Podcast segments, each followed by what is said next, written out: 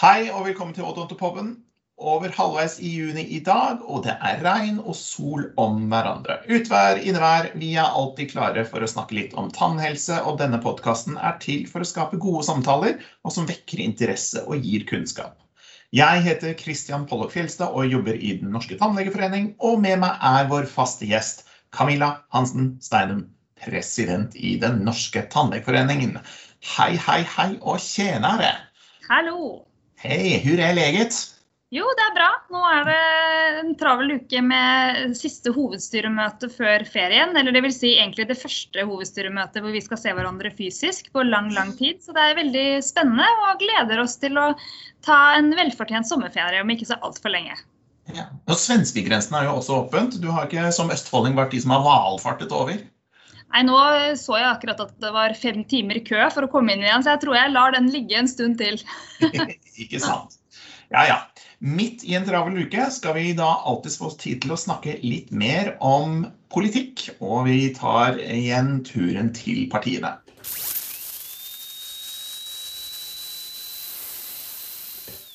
Nå er vi kommet til regjeringspartiet Høyre sin tur. Partiet som har helseministeren og hele fire personer i helse- og omsorgskomiteen. Og en av disse er deg, Erlend Larsen. God dag! God dag, god dag.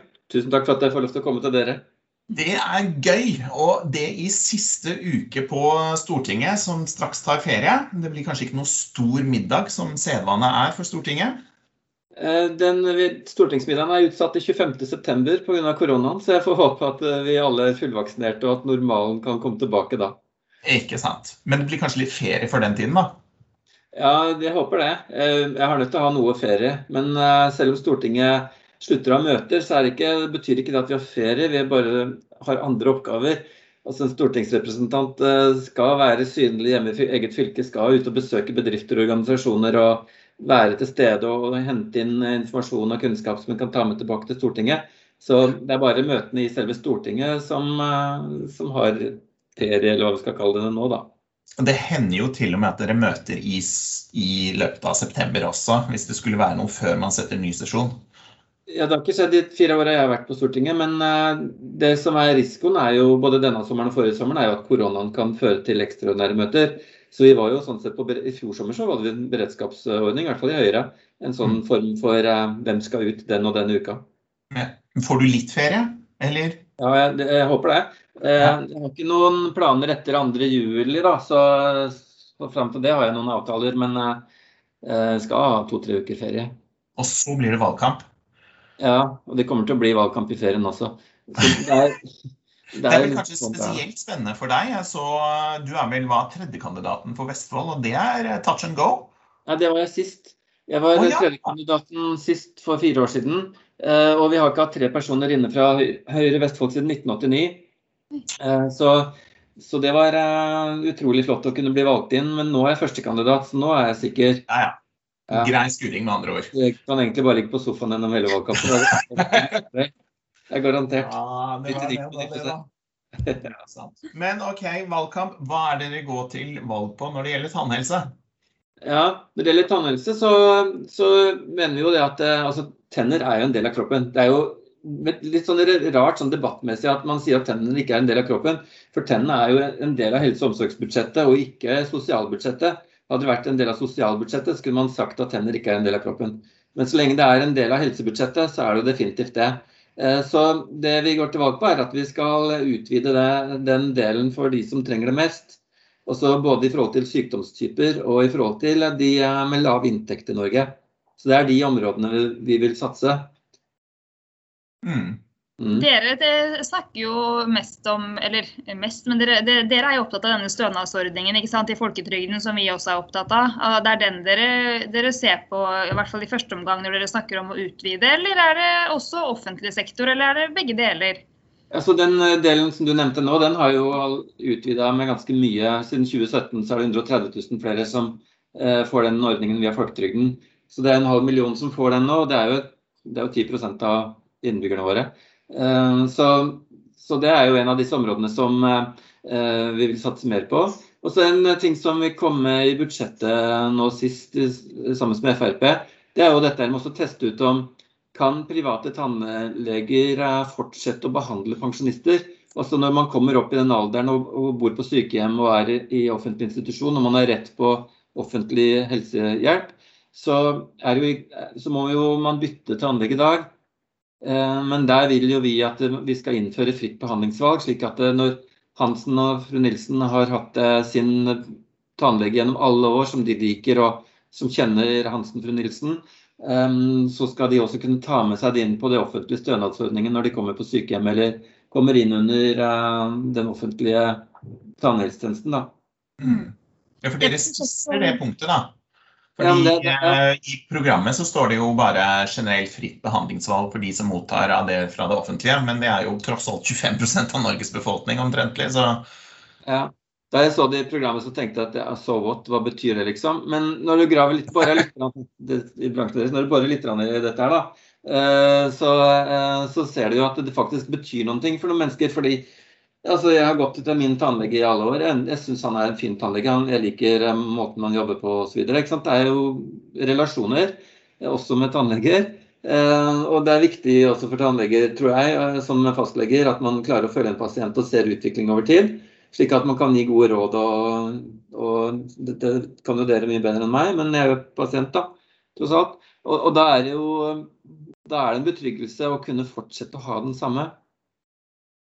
Det prosjektet blir jo veldig spennende. Vi er jo med, altså Tannlegeforeningen er jo med i den sentrale prosjektgruppa som er satt i gang nå, for å se på hvordan eh, vi skal gjøre dette. Det er jo to, eh, to, to fylker, som det er jo Agder og, og, på Romerike, som dette skal settes i gang i første omgang. Så det blir jo en veldig spennende ordning.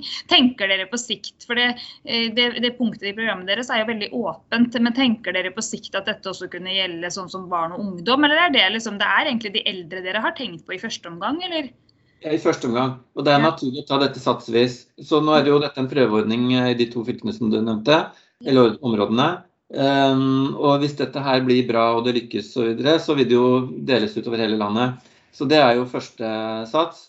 Og så må man jo se eh, på yngre. Vi, altså vi som parti er jo for fritt behandlingsvalg. Vi mener jo at eh, innbyggerne skal kunne velge ulike alternativer, private og offentlige. Et samspill mellom private og offentlige liker jo vi. Fordi private gjør det offentlige bedre, og det offentlige er en eh, god, eh, fin plattform. Så, så, så, får vi se hva med barn og unge, de som er under 20 år. Noe av motivasjonen, i hvert fall nå da, med fritt behandlingsvalg i tannhelsetjenesten, det er jo det som jeg nevnte med at du skal få med deg tannlegen videre inn i pensjon, eller inn i, når du er på sykehjem og når du er på det offentlige. Eh, du har jo ikke det samme forholdet til barn og de under 20. da. Så, og så kan det hende at dette vil være med på å gjøre at en eh, større andel av befolkningen oppsøker tannlegen. For det er jo et problem at stadig flere av innbyggerne våre ikke oppsøker tannlegen. Det er ikke bare pga. pris, det er selvfølgelig også en, et poeng. Men, men, det er jo også dette med at ja, mister du den private tannlegen, du er inne på et sykehjem og, og helsemessig så er du kanskje ikke i stand til å oppsøke tannlegen. Um, så vil det være lettere, tror jeg. fordi det er en veldig viktig det dere gjør med at dere tar kontakt med meg som pasient hvert år eller noen mm. faste tidsintervaller. Um, og minner meg på at nå er tida, nå må du komme og besøke oss igjen. Um, fordi at når man ikke har den der oppfølginga der, da er det fort gjort at uh, det kan gå to og tre år mellom hver gang man oppsøker den viktige tjenesten dere gjør. da. Ja, og Det med, samhandling offentlig-privat er jo vi opptatt av. for vi, altså det, det, Siden vi har en så det, stor andel av, av, av, tjenesten vår er jo helt privat. ikke sant? Og, øh, og, og vi har jo i prinsippet ansvar for, for hele den voksne befolkninga i privat tannhelsetjeneste. Så, så tenker jo vi at alle sånne Eh, alt det som på en måte fasiliterer gode samarbeidsmodeller mellom offentlig og privat sektor er viktig eh, for å gi et best mulig tilbud til pasientene. Og Vi er jo litt bekymra nå etter pandemien. for Vi har jo vært liksom i en heldig situasjon i Norge at den voksne befolkninga har prioritert å gå til tannlegen. Ikke sant? Fordi at vi har hatt, eh, eller veldig mange av oss i hvert fall, god økonomi og har prioritert det. Så vi er jo litt sånn, vi følger veldig nøye med nå etter pandemien. Bare håper håpe at ikke liksom, det slår ut i at folk f.eks. som er permittert eller mister jobben, som nedprioriterer det å gå, og som bruke penger på tannhelsa si.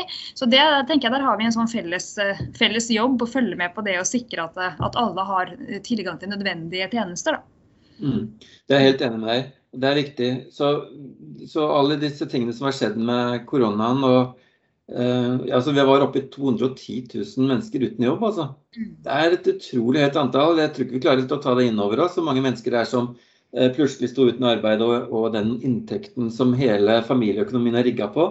Ja. Uh, altså, vi har jo tross alt, De fleste av oss rigger økonomien etter, etter, den inntekten man har, og vel i grenseland. Så når man da mister en tredjepart av inntekten og går ned på trygd, så, um, så, så, merkes jo det. Og da er det mange ting man må kutte ned. og det er jo ille hvis man kutter ned på egen helse da.